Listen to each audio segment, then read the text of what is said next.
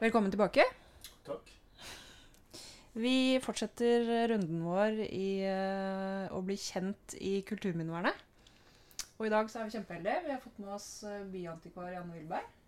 Hallo? Hei. Uh, jeg tenkte aller først at du skal få lov å introdusere deg selv. Ja, jeg har jo nå snart vært byantikvar i Oslo i elleve år. Og det har jo vært veldig spennende, fordi at dette handler jo absolutt ikke bare om bevaring, men om eh, utvikling. Det er ingen som kommer over dørstokken hos oss som ikke skal gjøre noe med huset eller med eiendommen sin. Eh, Så sånn sett så er det jo veldig spennende å få lov til å virkelig være en del av utviklingen. utviklingen. For du jobber jo da som byantikvar i Oslo. Men aller først, før vi begynner, så tenkte jeg kanskje eh, at du skulle få lov å snakke litt på vegne av byantikvarene over hele landet. For hva, hva er byantikvarembetet i Norge? Eh, Ja, der er det jo Oslo som er annerledes enn de andre byene, fordi at Oslo er både kommune og region. Sånn at jeg har to hatter, både som, eh, som den kommunale byantikvaren, rådgiveren, og som, eh, og som fylkeskonservator. Men i, i de andre byene eh, så er det altså kommunalt ansatte. Eh, Og de er plassert forskjellige steder i systemet. De største byene har kontorer som består av flere, sånn som Bergen og eh, Trondheim. Men ofte er det enkeltpersoner som da er et slags Jeg vil ikke akkurat si kulturminnefaglig gissel, men som altså eh, brukes etter beste evne i forhold til å gi råd til kommuneadministrasjonen med, og til planleggere, men selvfølgelig også til politikerne, som skal avgjøre utbygging og plansaker. Men du nevner at Oslo er litt annerledes. Kan du fortelle litt mer om det? Eh, Ja, jeg har jo sagt at vi har to roller, og det betyr at vi også Vi er ikke bare den kommunale rådgiveren til alle saker som handler om plan- og bygningsloven, men vi er også myndighet etter kulturminneloven. Så vi har altså en, en liten politihatt, og så resten er da eh, rådgiveren. For dere er ganske mange.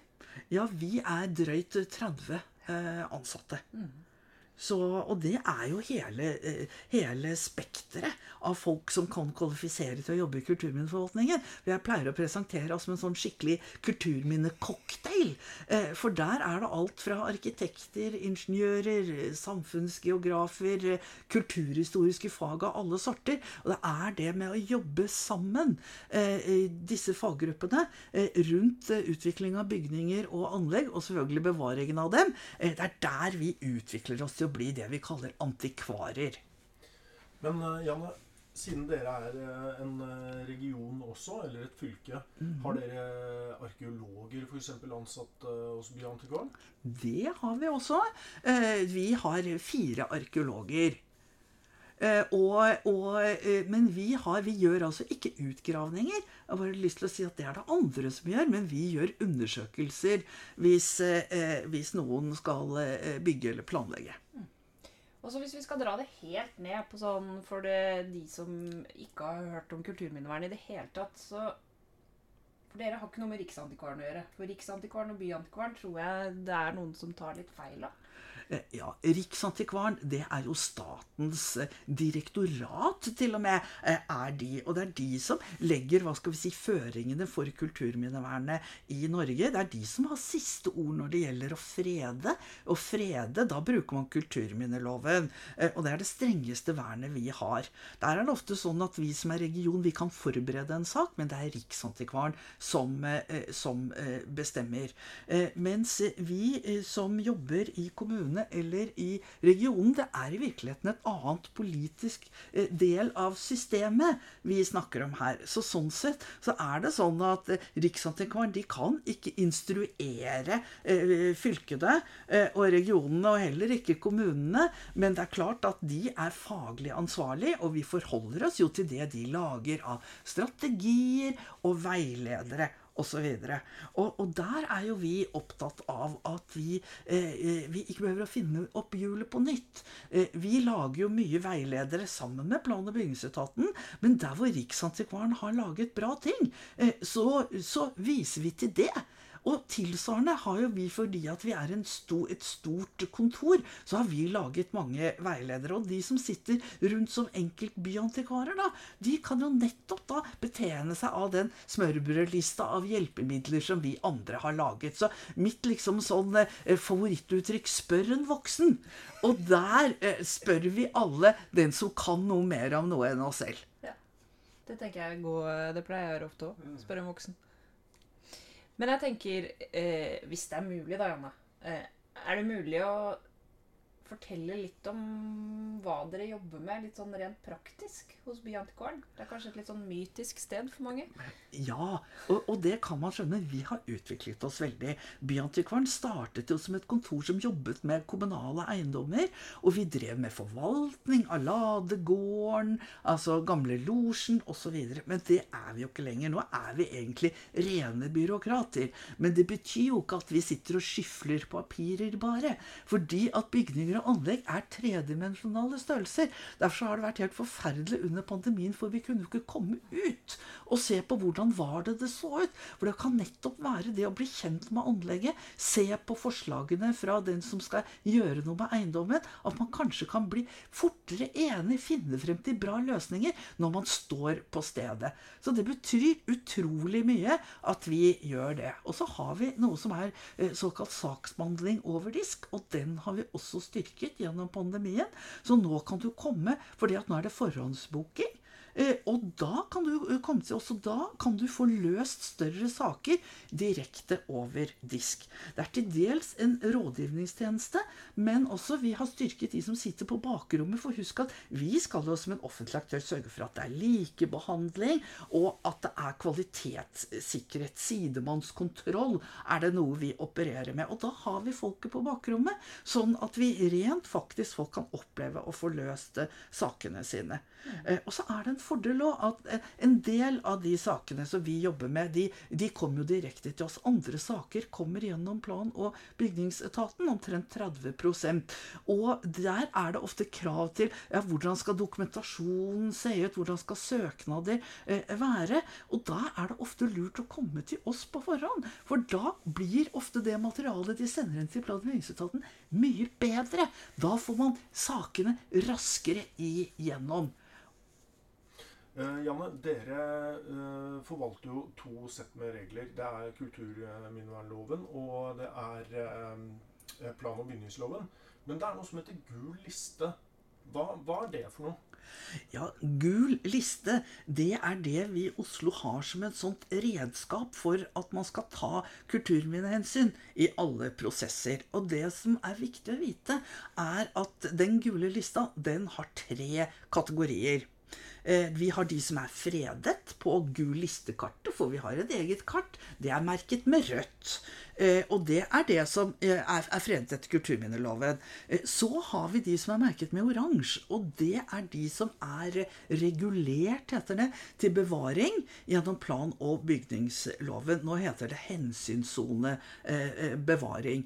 Og de to typene formelt vern, det utgjør omtrent en tredjedel av de 15 000 objektene som vi har på vår gule liste. Mens de andre to tredjedelene, der har vi altså gjort en vurdering, som det fins skriftlig dokumentasjon på, hvorfor det er verneverdig. Eh, og, men der er det sånn at, eh, at eh, det har ikke det samme vernet. Men altså, det skal være noe som hjelper oss alle sammen i prosesser. Men det kan også være et verktøy for f.eks. utbyggere eller utviklere eh, å bruke da, for å kontakte dere hvilke kulturminneverdier dere mener at man kanskje bør ta ekstra hensyn til? Og det har du helt rett i, fordi at det er jo Vi er veldig orientert mot verdiene. Og vi investerer mest der hvor verdiene er høyest. Altså det som er i fredningsklasse. Og vi har nå gjennom de siste årene gjort faktisk en eh, grov gjennomgang av hele byen med tanke på også blant de bygningene som eh, vi ikke har kartlagt, for det er større deler av byen som ikke er det, eh, eller de bygningene som er på eh, hva skal vi si, som ikke har noe formelt vern, og så har vi funnet ut hva som er i fredningsklasse. Og så har vi merket det inne i eh, Riksantikvarens database Askeladden. Så hvis du går inn på og ser på et enkeltbygg der, så kan du se aha, Byantikvaren mener at dette har nasjonalverdi. Vil si, da står vi klar med eh, fredningsriset hvis vi ikke klarer å få til en god prosess. Men det er jo gode prosesser med tiltakshavere som er viktig. Men jeg vil litt tilbake til, eller fortsette litt på den gule lista. Eh, Jeg har selv bodd i en gammel bygård i Oslo. Eh, Jeg satt i styret. Dette var før jeg begynte å jobbe i Kulturminnevernet, og den var på gul liste. Og det var veldig mye forvirring om hva det egentlig betyr. Eh, I forhold til brannsikring, i forhold til bytte vinduer, i forhold til en del greier.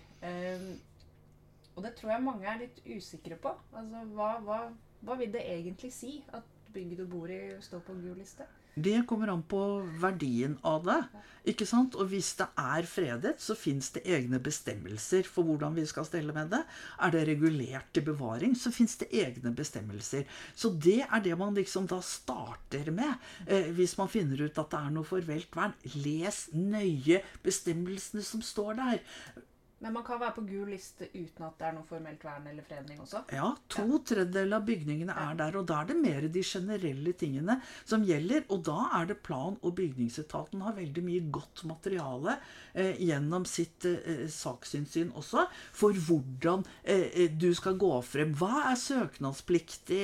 Eh, hvilke krav stiller vi i forhold til vinduer, eller Ja, nå fins det jo ikke parabolantenner lenger, men det er, eh, det er veldig mange forskjellige ting som kan kvalifisere. Eh, Men da lurer jeg på også, er det sånn at en huseier eh, kan kontakte dere uavhengig om man har et bygg som er verna eller ikke, for å få noen råd og tips? Ja, og det svarer vi jo ofte på. Eh, For vi er jo opptatt av det grønne skiftet. Eh, At det er viktig å eh, i størst mulig grad ombruke den bygningsmassen vi faktisk har. Og det med å gjøre det på en eh, god måte, som gjør at det beholder kvalitetene sine samtidig som vi kanskje etterisolerer og sånn, det gjelder jo også for de 85% av bygningene i denne byen som ikke står på vår gule liste. Så vi er innertier, vi, i det grønne skiftet. skiftet. Og så har vi ganske mye informasjonsmateriell hvor det går an å lese seg litt opp på hva som er smart å gjøre.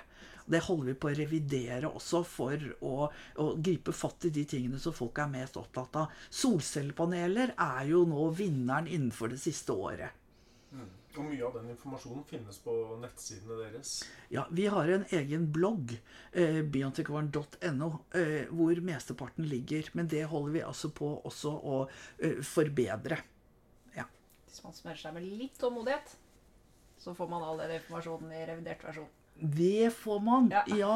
og, og så tar vi litt av hvert. Vi er jo en liten etat som ikke har så mange ressurser til å bruke, eh, bruke på det. Og så er vi opptatt av at Oslo kommunes egne hjemmesider skal bli best mulig. Så vi ser på hvordan vi kan, eh, eh, kan eh, hva skal vi si, få brukt dem på en bedre måte enn det har vært anledning til eh, til nå. Oslo er jo en ganske spennende by når det gjelder kulturminner, for bredden er så veldig stor. Altså Vi har jo alt fra Akershus festning til eh, opera. Operabygget, som også er fredet. Eh, kan, du, kan du si noe om liksom, den fredede bygningsmassen i Oslo? Om noe som vi kanskje ikke helt er klar over, eller noe som er litt sånn spennende objekter som du mener at kanskje Kanskje beboerne bør være ekstra oppmerksomme på, eller kanskje besøke? Ja, altså, eh, Jeg har jo vært involvert i et stort statlig prosjekt som het Statens kulturhistoriske eiendommer, som gikk ut på at staten var nødt til å finne ut hva de hadde, og på hvilken måte man skulle ta vare på det, eh, eh, på, det på. Og da hadde vi som en sånn hva skal vi si, innledning til det prosjektet, og da viste vi gjerne bilde av høyblokka til, til regjeringen. Og så sto det at ingenting er så lite stygt eller anonymt at det ikke kan være av nasjonal verdi. Altså, Det betyr at bygninger som kanskje ikke byr seg frem som noe mesterverk arkitektonisk, kan være utrolig viktig for historien vår. Sånn at eh, Det er jo noe som eh, Kulturminnevernet har jobbet mye med fra 1990-tallet og fremover, er jo det 20. århundres arkitektur. Eh, og jeg husker jo så godt da tidligere byantikvar da eh, på begynnelsen av 1990-tallet han gikk ut da Riksantikvaren ville frede en drabantby og sa at det var over hans lik. For det skulle man jo eh, ikke ta vare på. Og da sier du ja, men hvis du sier at, eh, eh, at drabantbyer ikke er viktig, det er jo mer enn halvparten av byens befolkning er vokst opp, har levd livene sine der, da er vi på ville veier når det gjelder kulturminnevern. Sånn at betydningen av eh, kulturhistorien, eh, altså, den har økt med, med årene så er det veldig morsomt å se at folk flest begynner å se at også industriarkitektur fra etterkrigstiden faktisk både kan være kule og viktig for å ta vare på historien i et område. Og Da kan vi kanskje tillegge at uh, dere har jo lagd en veldig fin veiviser over uh, kulturminner i Groruddalen, som vi kan anbefale. Ja. Oppdag Groruddalen heter, heter den, altså. Og, eh, og, og, jeg vil jo veldig gjerne gi Groruddalen en sjanse. Det er veldig mye fint og uventet, hvis du snakker om det, eh, å oppdage. Folk tenker at i Groruddalen er det bare blokker, f.eks. Men det er det jo ikke. Fine villaområder er det også. Og så er det jo kule, eh, kule og, og, veldig flotte drabantbyer som ligger fabelaktig i naturen. Altså at Hvor det ikke er bare linet opp eh, liksom flest mulig blokker inn på minst mulig område, men hvor altså det er gjort med hjerte og veldig stor planleggingskunnskap å anlegge en drabantby. Eh, jeg, har lyst til å gå litt tilbake til det første du eh, snakket om. Fordi mange oppfatter jo kulturminnevernet som statisk. Men uh, du starta denne samtalen med å si at dere jobber med utvikling. Ja. Uh, kan du utdype det litt? For, for, for, jeg, altså, for, jeg, tenker jo ofte at uh, mange utbyggere og utviklere i byen har et sånt bilde av byantikvaren som Eh, mer forhindrende enn muliggjørende? Du, det har skjedd noe innenfor den perioden hvor jeg har vært byantikvar, eh, faktisk. For da ble vi stadig beskyldt for å være museale. Men det er jo altså utrolig sjelden at det er museal bevaring. Altså at ting ikke, ikke kan skje noe med, med, noen ting. Det kan skje noe både med fredede bygninger og med, med det andre. Og det tror jeg at utbyggerne eh, rett og slett merker at vi er jo med på veldig mange av de flotteste endrings... Eh, altså eiendommene som har gjennomgått større endringer, men som har høye kvaliteter. Vi kan nevne Telegrafbygningen, vi kan nevne tollbodene, vi kan ta Sentralen, vi kan ta Pressens hus. Eh, gamle Deichman kommer etter hvert, den tidligere amerikanske ambassaden. Altså, vi begynner å få mange gode eksempler hvor vi har vært veldig tett på i den prosessen. Så jeg tror rett og slett at utbyggerne ser det stemmer ikke lenger. Og så har det jo skjedd noe. Det skyldes også endringer i plan- og bygningsloven som sier at vi skal ha mer dialog med hverandre, vi som jobber i det offentlige, og, og eh, de som vil, vil, bygge ut. Men mine medarbeidere, altså de få som har vært der lenger enn meg, da, de sier at det er en helt annen verden. For nå, eh, da Før sendte vi bare brev, men nå vil vi at folk skal komme tidlig til oss. Vi snakker om saker når folk har begynt å få en idé. Vi drar ut, og vi ser. Det er altså det er en helt annen og mye mer dynamisk måte å jobbe på. Eh, så, så, det er blitt slutt på å kalle oss for eh, museumsvoktere, gitt. Det er jo jeg glad for. Men tror du det kommer til å bli lettere, eller i hvert fall annerledes, å jobbe med bygningsvern i eh, en by med press i framtida? Ettersom man snakker om sirkulær økonomi og transformasjon og gjenbruk av bygninger. Ja, det tror jeg nok. Og så er det noe med at vi ser jo at, eh, at eh, folk setter pris på historien. De gamle delene av bygninger. Og det er jo interessant å se. Vi har hatt store salgsprosesser for viktige eh, eiendommer. Og da er det jo noe med at jo strengere vernet er, dess mer får du, penger får du for bygningen din. Og, og da er det vår oppgave å bidra til at det er forutsigbarhet. Altså, vi har presset oss frem og sagt at dette tåler disse tingene, men, tåler, men det tåler f.eks.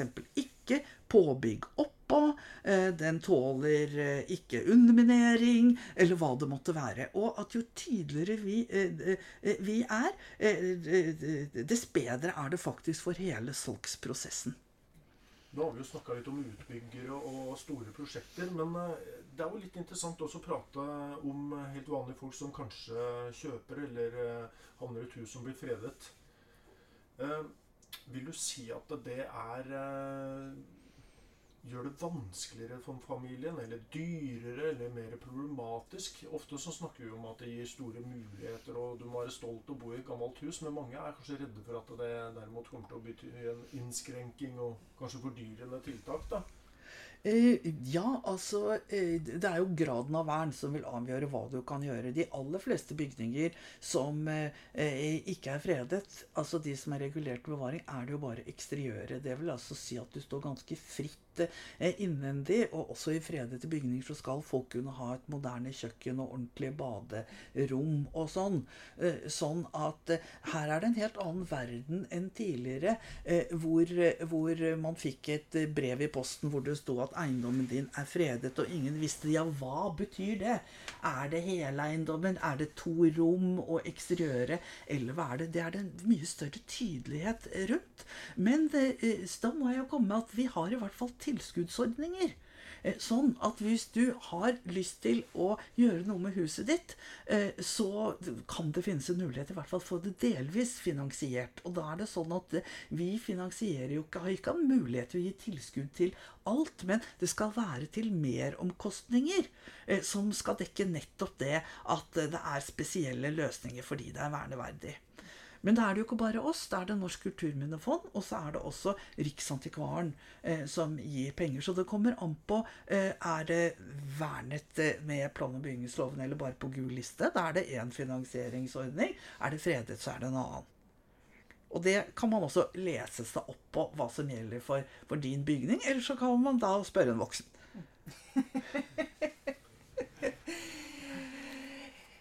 Før vi avslutter Vi snakka litt om det i sted, om det var uh, anbefalinger til steder man kan se, se, på eller oppdage på nytt. Uh, det er kanskje vanskelig å velge ett, men har du noen favorittbygg i Oslo? Og jeg har jo så mange favorittbygg. Men jeg føler jo at det er riktig å anbefale Rådhuset i Oslo, det er byens eh, storstue. Det er utrolig mange eh, turister utenbys fra, også eh, fra andre land, som kommer dit. Men de er ikke flinke nok til å oppsøke liksom våre egne virkelige eh, eh, store kulturminner. Absolutt ikke. Da anbefales det å ta en tur til rådhuset. Absolutt. Og studere teglsteinen og studere eh, de fine klokkene som fins både foran og bak på bygningen. Mm. Da tror jeg vi setter strekk. Tusen takk, Janne. Tusen takk. Takk for meg.